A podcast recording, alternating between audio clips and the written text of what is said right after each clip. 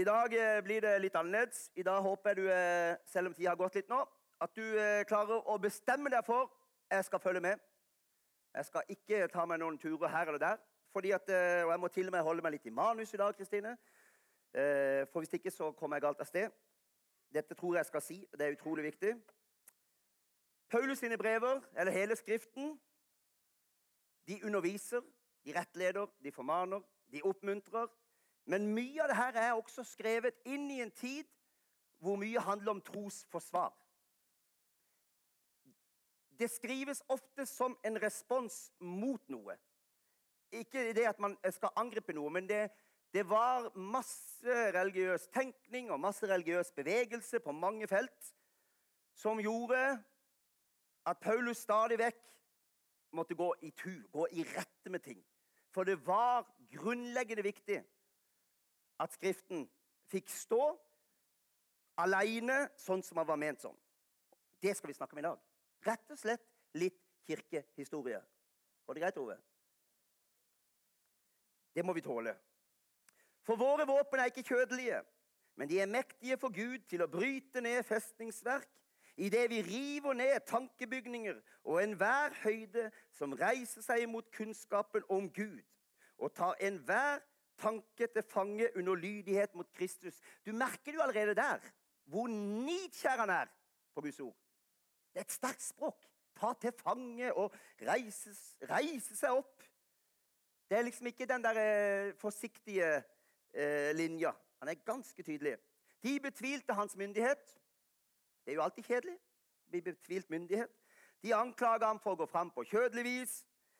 De syntes han var for streng, antagelig moralsk sett òg. Men så slo det meg hvorfor står det enhver høyde som reiser seg mot kunnskapen om Gud? Hvorfor står det høyde der? Øystein, du har din teologiske utdannelse. Hvorfor står det ikke enhver avgrunn som reiser seg mot kunnskapen om Gud? Jeg grunner litt på det, da. Så vet vi at i Efeserne 3 så leser vi om at vi sammen med alle de hellige kan, kan være i stand til å fatte høyden og bredden, lengden og dybden. Der står jo høyden der òg. Men der er det positivt. Og Gud er jo noe som er bredt og dypt og høyt. Så det kan jo være litt forvirrende. Og så eh, satt jeg litt der og grunna litt på det her, da. Og så slår det meg Hvorfor brukes ordet høyde her? Jo, da kom jeg til å tenke på Babels tårn. Hva var det? Menneskets forsøk på å bygge noe. Mye ut fra den mye ut ifra det menneskelige, som kan framstå som noe høyt. Som noe flott, som noe prektig, som noe mektig, akkurat som Babels tårn. Man ville imponere, man ville bygge seg opp til Gud. Det går ikke å bygge seg opp til Gud. Jeg holdt på å si, Han bygde seg ned til oss, faktisk. Løgntanker Vi, har, vi leser jo ofte dette verset i forbindelse med liksom, eh, mest sånn helt personlig eh, løgntanker. Da tenker jeg det er djevelen som kommer og forteller meg liksom, Geir, du er så dårlig til alt mulig, og du er sånn og sånn. Det tenker vi ofte, og det er jo ikke feil, det. Men jeg tror også at vi ikke skal glemme at det dreier seg om teologi. Det dreier seg ikke bare om mine personlige angrep fra djevelen og løgntanken om meg sjøl. Det dreier seg også om løgnene mot dette ordet.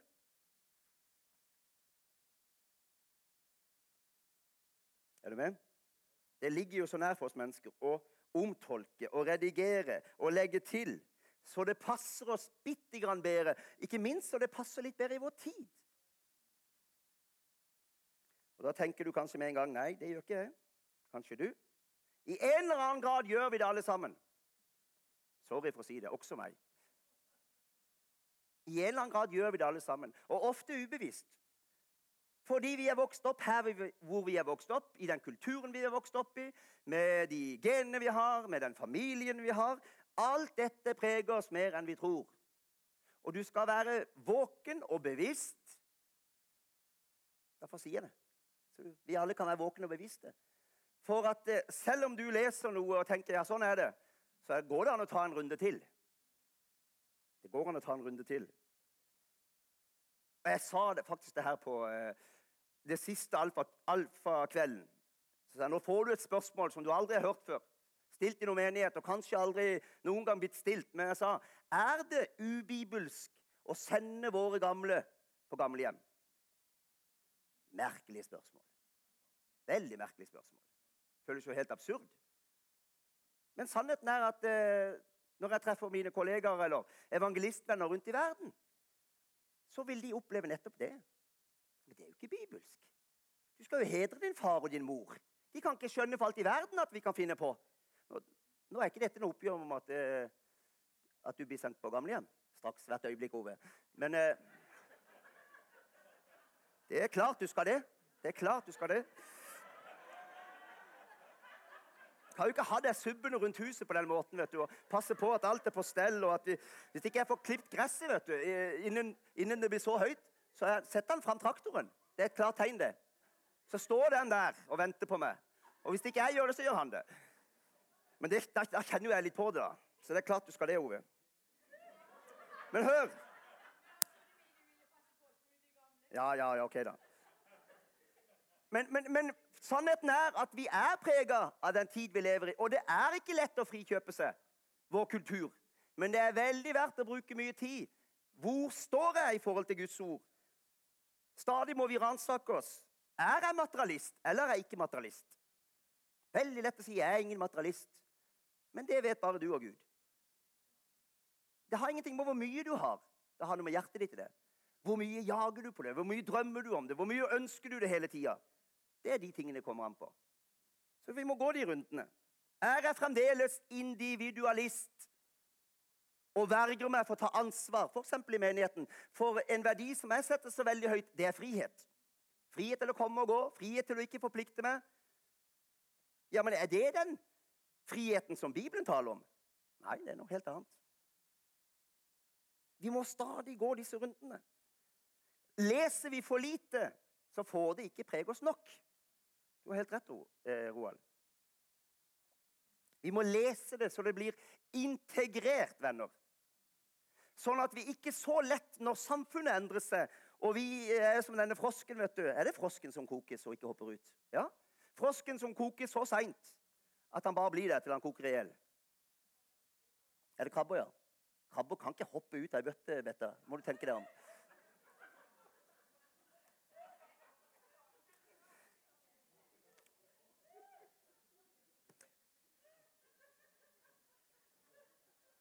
Hvorfor Hvorfor både tenkte og prata vi mye mer om Jesu gjenkomst før? Tror du det er tilfeldig? Nei, langt derifra. Fordi det ble forkynt, og vi var opptatt av det. Vi ble påvirka. Og la må jeg legge til på godt og vondt. For meg var det på godt. For andre har det vært på vondt. Så det, der må vi bare finne en vei hvor vi løfter det fram på riktig måte. For budskapet om Jesu gjenkomst det er ikke noen ting annet enn et gledesbudskap, et håpsbudskap, som skal holde liv i oss. Som skal gjøre at vi kan tåle hva som helst. Så vet jeg at det har vært mye forskjellig. Jeg er klar over det. Men det er like fullt Guds ord. Vi må bare løfte det fram på nye måter. da. Har jeg forlatt tanken om fortapelsen fordi at det er mye lettere for meg å forholde meg til hvis den ikke var der? Derfor raser debattene også i kristne medier frem og tilbake om, om fortapelsen egentlig finnes. Og om det ikke skulle være noe i alle religioner eh, som til slutt fører til Gud. Ikke uvanlig. Eller om ikke det skulle være sånn at til slutt så blir jo alle frelst. Kalles universalismen. Det er jo en god tanke. Men det er dessverre ikke det Bibelen forteller og lærer oss. Derfor må vi være våkne. Og Nå holdt jeg på å si, nå skal jeg si et ord som jeg har som passord. Eh, nå må jeg skifte det, merker jeg. For jeg tenkte, Det ordet er det ingen som kommer på. Det heter kontekstualisering. Og Så har jeg en kode bak, da. Så du finner ikke ut av det. Men nå går det på nett og alt. Nå må jeg endre haugvis av kontoer. Det er klart det er viktig at hver ny generasjon får evangeliet forkynt på en måte og i et språk de forstår. Det følger jeg med på. 100 det er det ingen som er i tvil om. Og sånn har det vært i generasjoner. Vi ber jo ikke den gamle Fader vår med ord vi ikke skjønner lenger, for språket endrer seg. Men poenget er også at når språket endrer seg, så endrer ofte innhold seg. Det blir ofte store områder som ikke lenger gir mening, fordi ordene ikke brukes. Jeg er jo veldig opptatt av de tingene her. Jeg driver jo og graver litt opp de gamle brønnene. Betyr ikke at vi skal eh, stå her og preke kanansk, så selv ingen kristne forstår. Men det betyr at man er bevisst. Får vi med alle dimensjonene nå? Guds ord står veldig godt på egne ben. Det har stått godt på egne ben i 2000 år, venner. Overlevd tidens tann. Men det må forstås gjennom Den hellige ånd. Det er du opptatt av. Men talsmannen, Den hellige ånd, som Faderen skal sende i mitt navn, skal lære dere alle ting og minne dere om alt som jeg har sagt dere. Du verden, så lite de forsto før pinsedag, disse disiplene. Jeg må ærlig innrømme å si at jeg har av og til tenkt i et svakt øyeblikk du, du, kom, og du hadde et så utrolig vanskelig oppdrag. Her skal du bruke tolv mennesker for å vinne en hel verden. Hvorfor de? Kunne du ikke valgt noen som var litt raskere? Har jeg tenkt. Ja, men jeg har tenkt det. Det hadde jo vært litt lettere. Kunne du ikke valgt noen som på en måte klarte å ta vare på noe av det du sa? For det virker ikke som de forsto noen verdens ting av og til i begynnelsen. Men merk deg kontrasten. Når Peter eh, bare kanskje 40-50 dager før sier 'Dette må ikke skje deg, Herre', sier han. Når Jesus begynner å fortelle litt at han skal dø og korsfestes og stå opp igjen. Dette må ikke skje det. Og så står han like etterpå og preker som om han aldri hadde gjort noe annet. I Apostelens gjerninger 2. Det er ikke gått så lang tid. Han har ikke engang rekt å gå på Himmelpart og bibelskole. Rett fra Den hellige ånd. Og så sier han ham reiste Gud opp idet han løste dødens veer. For det var umulig for døden å holde ham fast. Samme mannen som sa kort tid før dette må ikke skje, det. Noe kraftig har skjedd, altså. Lyset hadde gått opp, og det lyset heter Den hellige ånd. Tidlig, Nå kommer kirkehistorien. da. Har dere hørt om apokryfe skrifter? Det har dere. De oppsto tidlig, allerede på, uh, rundt år uh, 100 på hundretallet. Sånn skal det sies. Det var en mengde fantasifulle, legendariske og hør ordet utfyllinger. Til det øyevitnene kunne beskrive. Det var ikke øyevitner, men det var utfyllinger. Det var altså veldig behov for å legge på. Kan du forstå det? Utfyllinger det kommer når man mister eller mangler tillit til den opprinnelige lære. De holdt seg trofast til Hjelp meg. B-ene. Apostelens lære. Bøndene. Brødsbrytelsen. Broderfellesskap. Der er søsteren inkludert. De her eh, gnostiske, nei, Disse apokryfe skrifter blir kalt gnostisisme. Jeg skal faktisk komme inn på det òg. Hva var det de ville? De ville gi en dypere og mer eh, Hva skal jeg ha skrevet for noe? For å få det rett. En, en dypere og mer aktuell framstilling av Jesus. Smak på ordet. Mer aktuell. Det er derfor det er så interessant for meg, for vi tror jo i disse tider at, eh, at det er nye ting som oppstår. Les kirkehistorie. Det er det vel verdt. Og du vil se hvordan ringene sluttes igjen og igjen og igjen. Og igjen. Og når vi tror det kommer nye fenomener også innen kristenheten, så har det skjedd før. Når vi tror det kommer nye tanker, så har det skjedd før. Når vi forferdes over at noen kirker åpner opp sitt lokale for yoga, så har det skjedd i rikt monn før. Det er bare vi som aldri lærer. Kanskje fordi vi er litt historieløse. Det er en grunn for at Gud var så opptatt av at hans folk skulle kjenne sin historie, så de ikke skulle vende tilbake hele tida. Og det gjorde de likevel. Bjørn Øyvind Fjell, tidligere rektor på Ansgar-skolen, jeg hadde han som lærer. Det var suverene timer. Du var der, Kristine. Han hadde et seminar altså, som var fabelaktig. Et av de beste jeg har hørt på mange år. Hvor han, han, snak, han snakker om hvordan teologien preges av tidene. Ikke bare at vi skifter ut ord, men også at vi mister litt innhold. Bare selve omvendelsesbegrepet, det å omvende seg, tok han en runde på. Det brukes ikke lenger.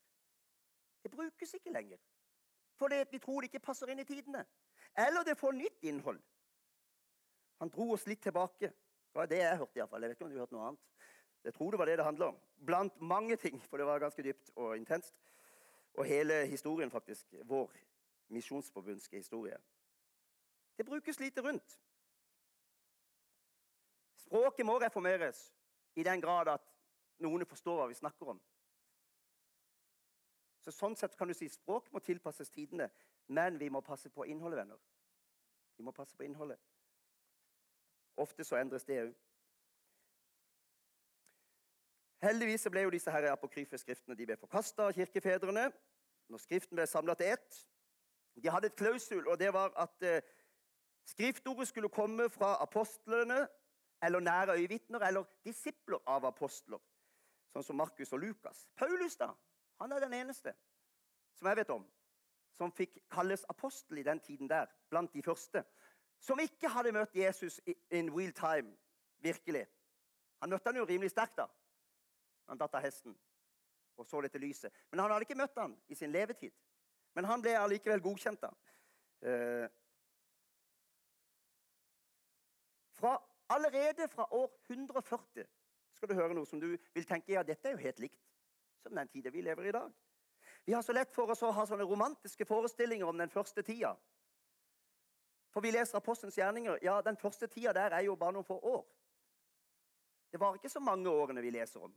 Og det skjedde veldig mye sterkt, og tegn og under, og mirakler og Guds rike som gikk fram voldsomt. Men det var ikke lange tida før det ble voldsomme strider. Lærestrider. og Derfor kom trosbekjennelsene som et Man plasserte skapet der det skulle stå. Dette mener vi. Og allerede i år 140 så var det en fyr han het Markio. Har dere hørt om han? Ikke Markus, det er en annen. Markio. Hva ville han egentlig? Jo, nå skal du høre. Han ville egentlig få frem at Gud er kjærlig, og Gud er nådefull. Enkelt sagt. Det ville han egentlig få frem. Men så fikk han så veldig problemer med Gamle Testamentet. For han syns jo det er jo en helt annen gud i Gamle Testamentet. Kan ikke være den samme guden. Og Han eh, var en av disse som ble kalt apologeter. Altså De var, drev med trosforsvar. Og hva var det de ville? De ville tilbakevise anklagene, og de ønska å skildre det kristne livet, den kristne ferden, som nyttig for samfunnet. Høres det kjent ut, venner?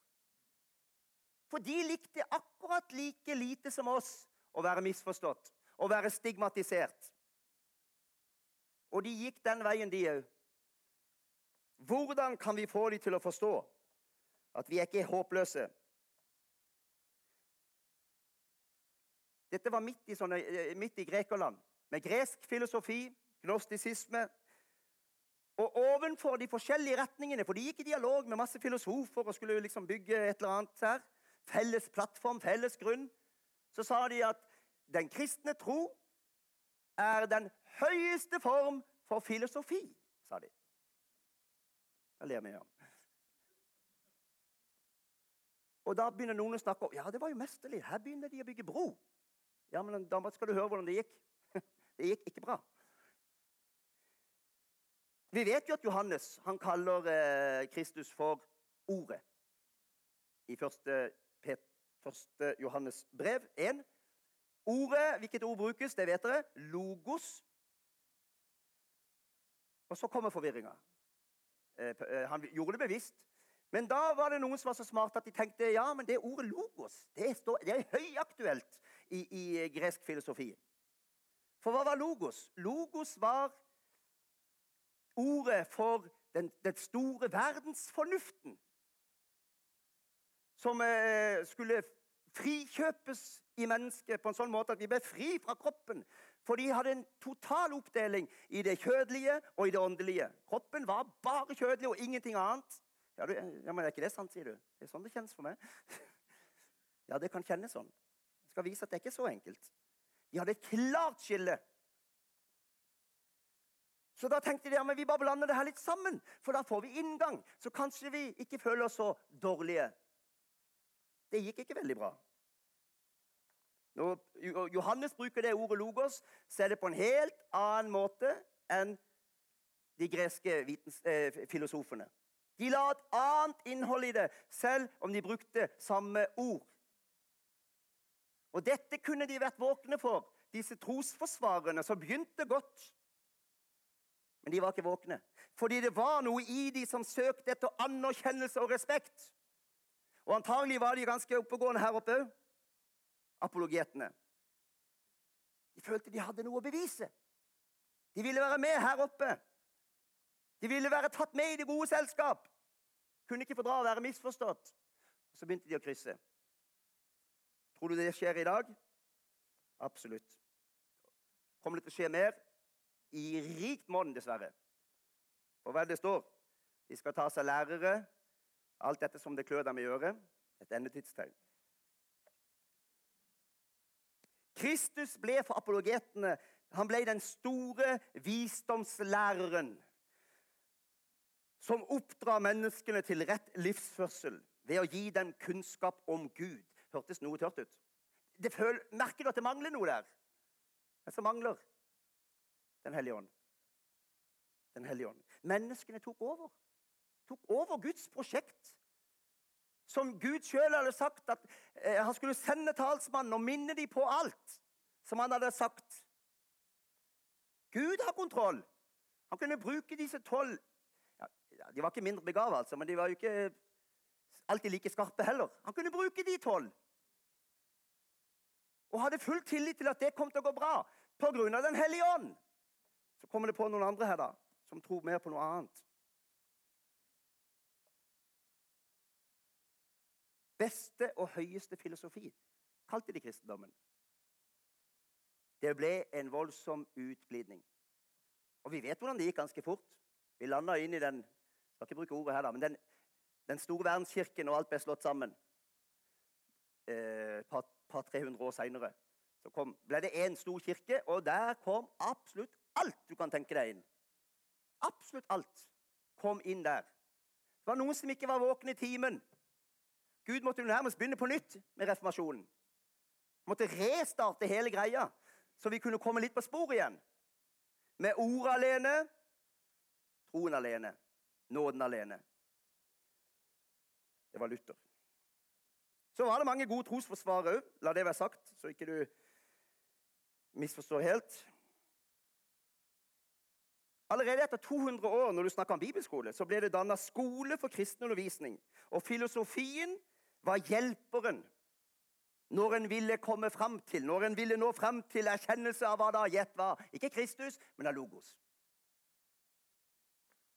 Jeg kan tenke meg det var friskt. Sikkert veldig friske møter der. Sikkert veldig frisk forkynnelse. Nei. Den hellige ånd har det med å ikke trives i sånne lag. ikke det rart? For Den hellige ånd vil stå på egne ben. Gud vil at Skriften skal stå på egne ben. Når vi begynner å legge til altfor mye, så tror jeg at salvelsen forsvinner, kraften forsvinner. Det er derfor Guds ord er så viktig. For vi er jo liven redd for at ikke det skal bli kraft og liv og ånd igjen. For hva har vi da? Ingenting. Ja, så kan vi kanskje samle opp litt folk. Ja, så kan vi kanskje gjøre oss litt bedre forstått. Men uten kraft, Roald, da blir det smått. Henger du med?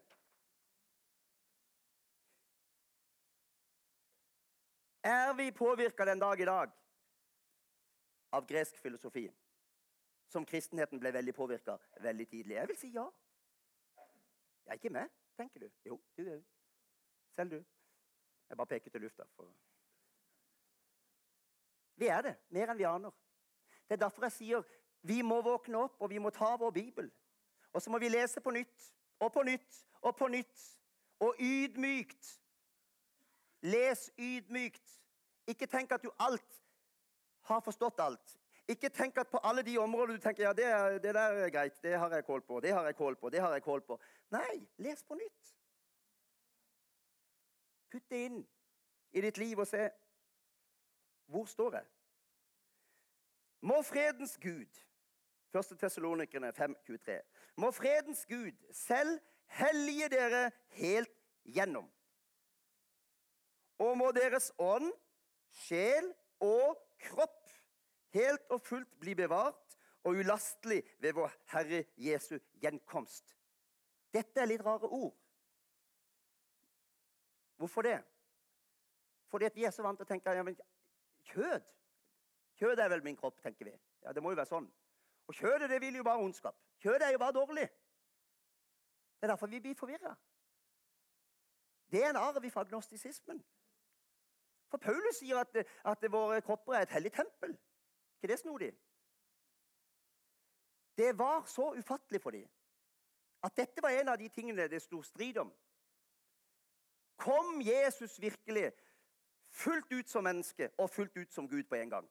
Det sto en kjempestrid om det. For de kunne ikke forstå at en hellig Gud, høyt opphøyet, kunne komme og ta bolig i en kropp. For alt kroppslig var jo bare syndig. De forsto det ikke. Og derfor er det ikke tilfeldig. Må jeg se om jeg finner det. Ja, det står. Nå skal vi lese det. Første Johannes, der står det På dette skal dere kjenne Guds ånd. Hver ånd som bekjenner at Kristus er kommet i kjøttet eller kjød, er av Gud. Så står det Og hver ånd som ikke bekjenner Jesus, er ikke av Gud. Disse to henger sammen. Man fikk nærmest ikke lov til å kalle seg en kristen hvis man ikke vedkjente at han kom som fullt menneske. Fordi det var utrolig viktig. For det ligger dyp teologi der. Så det er ikke uvesentlig hva vi tenker om Guds ord. Selv om vi lever i veldig sånn runde tider at eh, ja, du tenker det, og jeg tenker det. Ja, det er helt greit på mange ting. Du kan like pop, og jeg kan like rock. Ja, det var nesten det samme, det. Du kan like klassisk, og jeg kan like det. Det er ikke så viktig. Men det fins masse her som er grunnleggende viktig, venner. Det skal vi ta vare på. Og det kommer til å bli viktigere og viktigere i den tida vi beveger oss mot. Jeg ser mange av dere ute av. Det får bare være.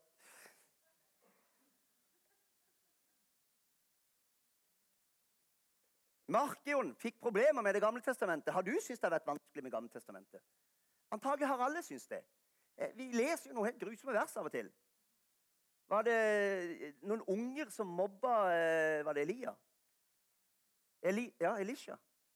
Og Så sender Herren en bjørn og dreper de alle sammen. Altså, vi, men vi skjønner det jo ikke. Det krasjer jo helt med det gudsbildet vi har av nådefull og kjærlig, for det er det han er. Så det, det der kan ikke jeg forklare for deg, hvordan det var. Men det er den samme Gud. Vet du hvordan Markion ville løse hele det problemet der? Fordi han var influert av gresk filosofi. Gnostisisme, som igjen var influert av Platon, som hadde en todeling av verden. Nå datt du av, men det er greit. Så sier han det var en ondskap for Gud i Det gamle testamentet. For det kan umulig være den samme Gud som i Nytestamentet. Så det var en ondskap for Gud. Og så har vi ikke fått sett den ekte skaperguden før korset. Det var to guder. Skjønner du? Det er såpass mye her som er så vanskelig å forstå. At hvis det er vårt mål, at vi skal kunne forklare alt, at vi skal forstå alt Hvis ikke du kan leve med at du er bitte grann mindre smart enn Gud, så lander du fort opp i all verdens retninger. Og hvis ikke du kan leve med at andre skulle tro at du ikke hadde så gjerne For de gir jo ikke opp, de skal finne svarene. Ja, så får du òg problemer, kjære venner. Nå er det ikke sånn at kristen tro er bare for dumminger. Og folk uten hjerne er langt derifra. Tro meg, det er altså rimelig mye hjerne du trenger her òg. Trenger ikke være redd for det. Men det er noe med hvor vil, hvor vil vi stå i forhold til Gud? Er det oss, eller er det han? Det er han. Takk skal du ha. Det skal komme en tid da folk ikke lenger kan tåle den sunne lære, men slik de finner det for godt. Grunn på det ordet 'finner det for godt'. Hvorfor finner man det for godt? Fordi at kampen blir for stor. Det blir for mange spørsmål, og de kommer på rad og rekke nå. Det blir for mange spørsmål. Det blir for mange anklager. Og det er ubehagelig, venner. Tror du jeg syns det er noe mindre ubehagelig? Som ikke har noe annet ønske enn å bare omslutte alt og alle mennesker med nåd og kjærlighet. Og det ligger så naturlig for meg å gjøre. Jeg har aldri vært den der veldig pekefingerfyren. Noen gang. Spør min familie. Jeg har masse ikke-kristen familie. Selvfølgelig min kjernefamilie. Det er jo ikke sånn det skulle være, men sånn er det. Og det er jo en av de tingene de sier. Geir, jeg har møtt noen andre sånn og sånn og sånn. Du er annerledes, sier de. Du, du, du, møter oss på en annen måte. Du har respekt. Du har aldri liksom gått i rette med oss for alt mulig. Vi vet hva du tror, og vi har respekt for det, og du har respekt for oss. Så det, det, er, jo, det er, jo, det jeg ønsker å være sånn for alt og alle. Men allikevel så blir jeg nødt, altså, venner. Vi er nødt til å stå for noe. Og så må vi finne en god vei, altså. og Det skal vi prate mye om, og det skal vi søke Gud for. Å finne de beste veiene, så ikke vi støter folk unødvendig. Det er ikke det jeg mener. Så ikke vi blir harde, for du kan bli hard òg. Tro meg. Du kan bli så hard hvis du er nitjær på feil måte, altså. Det er det letteste i verden, det. Det er Ikke et menneske som nærmer seg det, selv om du sitter på alle svarene. Det er jo trist. Ha alle svarene, men ingen vil ha noe med deg å gjøre. Så vi skal jo tilnærme oss på gode måter. Men vi skal samtidig stå fast. Og der må vi søke Gud, venner. Om veier. Og vi må søke Gud som aldri før, for tidene vi beveger oss inn i, så vi kan stå fast. Så vi har nok styrke til å stå i spennet og føle oss litt utenfor og stigmatisert. Bare spør mer om En av de verste tingene jeg vet, vet du hva det er? Det er å føle meg misforstått. Uh, det er grusomt, altså. Det er sånn det liksom, det klorer nesten av tapeten hjemme av og til. Og hvis du tillegges verdier, eller du tillegges skjult agenda, eh, hva heter det nå, agenda, hva det måtte være Det er det verste jeg vet. Når jeg vet at nei, men det var jo ikke sånn. Føler seg misforstått. Det er ille for oss mennesker. Men vet du hva? La oss ordne opp oss imellom, for der burde det ikke være sånn. Men i forhold til hva verden får med seg og ikke, så må vi kanskje tåle det. Rett og slett. Og så må vi, hva gjør vi igjen? Vi bare velsigner. Og vi ber for og vi stiller opp, og vi gjør gode gjerninger, hva skjer da, altså? Når vi får anklager og masse kritikk Alle får jo med seg kritikken som raser i media. Og allikevel så fortsetter vi å smile. Passer deg, Kristine. Du smiler fra øre til øre, du. Må du ikke få ørevoks i munnvikene. Tro ikke det var fra Den hellige ånd. Det bare kom. Sorry. Paulus sier jo det. 'Dette sier jeg ikke av meg selv', sier han. Så la meg få si det, da.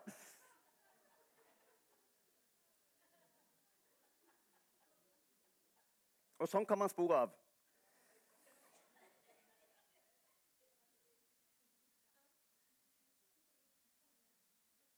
Vi har andre problemstillinger i dag, men samtidig så er det gjentagende mønstre. Det er gjentagende problemstillinger, det er gjentagende etiske utfordringer. Vi tror det er nytt, men det er det altså ikke. Det er ikke nytt en plass. Derfor sier jeg les litt kirkehistorie og se hvordan det går for de som ikke er våkne. For de som vil gå en tilpasningsvei. Det er ofte godt ment, men det går ikke bra. Det blir utglidning. Så skal vi sannelig søke Gud, altså, for vi skal fortsette. Froland misjonskirke skal fortsette å være en menighet som er genuint opptatt av mennesker. Som er rause med mennesker i den forstand at vi viser kjærlighet. For alle mennesker i enhver livssituasjon, uansett om de har falt eller ikke falt.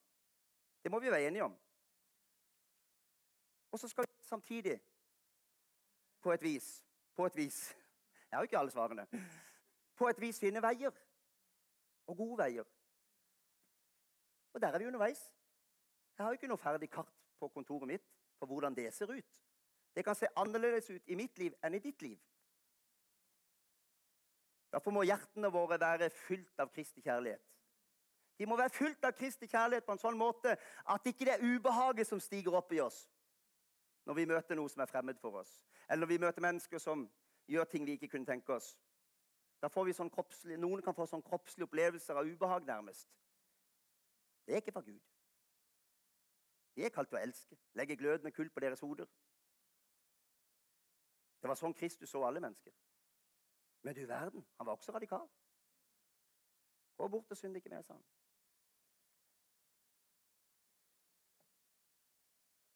Ja Kommer jo mye, mye lenger enn jeg hadde trodd. Intet nytt under solen, står det her. Synsbegrepet er jo en annen ting. Hva er synd i dag? Det er ingen som vet hva det er. Ja, Skal vi bruke et annet ord? Ja, Du kan jo bruke hvilket ord du vil for meg, bare du klarer å forholde deg til Skriften. Bare du klarer å, bare noe kan åpenbares sånn som det er. Tilnærmingens vei.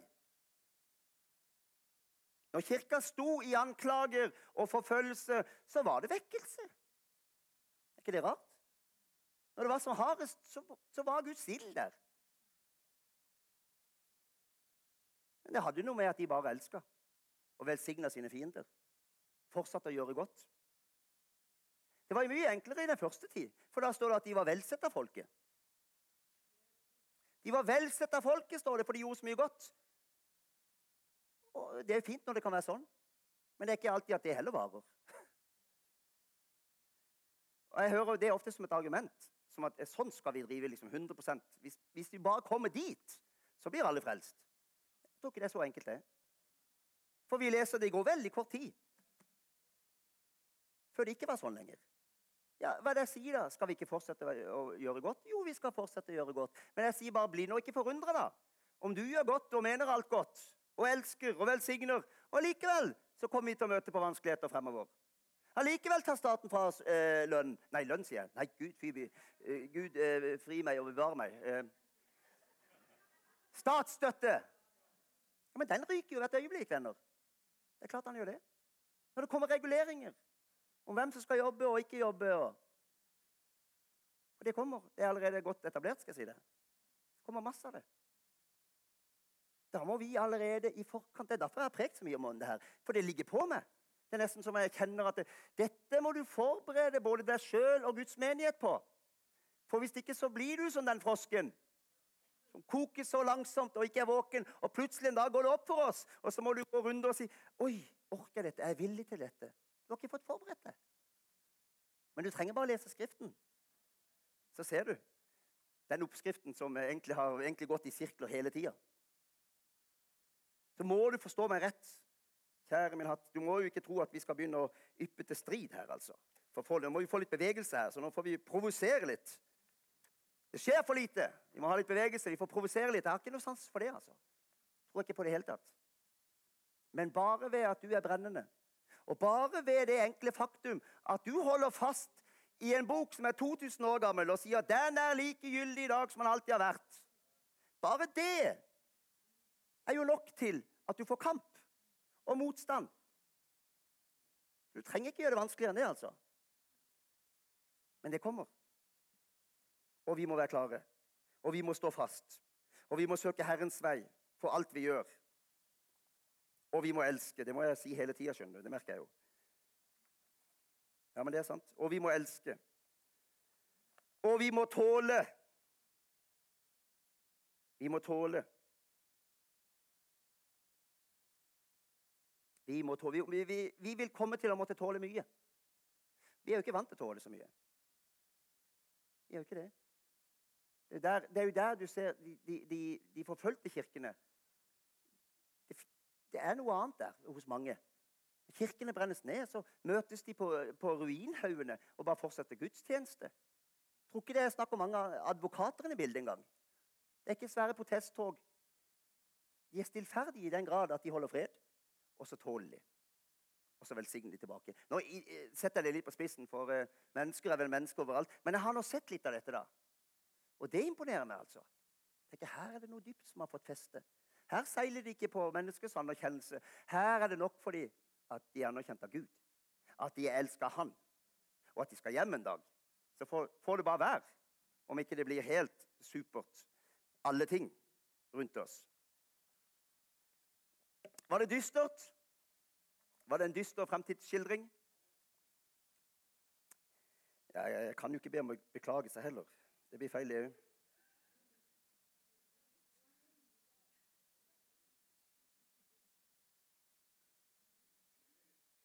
Det, det her bredte seg langt inn i menigheten i begynnelsen. De var så influert av gresk forståelse. Det er jo ikke rart de var vokst opp sånn. Det var masse de ikke kunne ta inn. Derfor kan du finne det igjen og igjen og igjen. Og jeg holdt på å si, Det er ikke så lett å vite hva alle versene refererer til hvis du ikke har lest noe kirkehistorie. Men hvis du kjenner kirkehistorien, så ser du aha, selvfølgelig, det der var et problem. Og den forståelsen var et problem. Men Paulus prøvde aldri å knytte det sammen på en usunn måte. Han holdt det fra hverandre. Og det kosta han jo livet til slutt.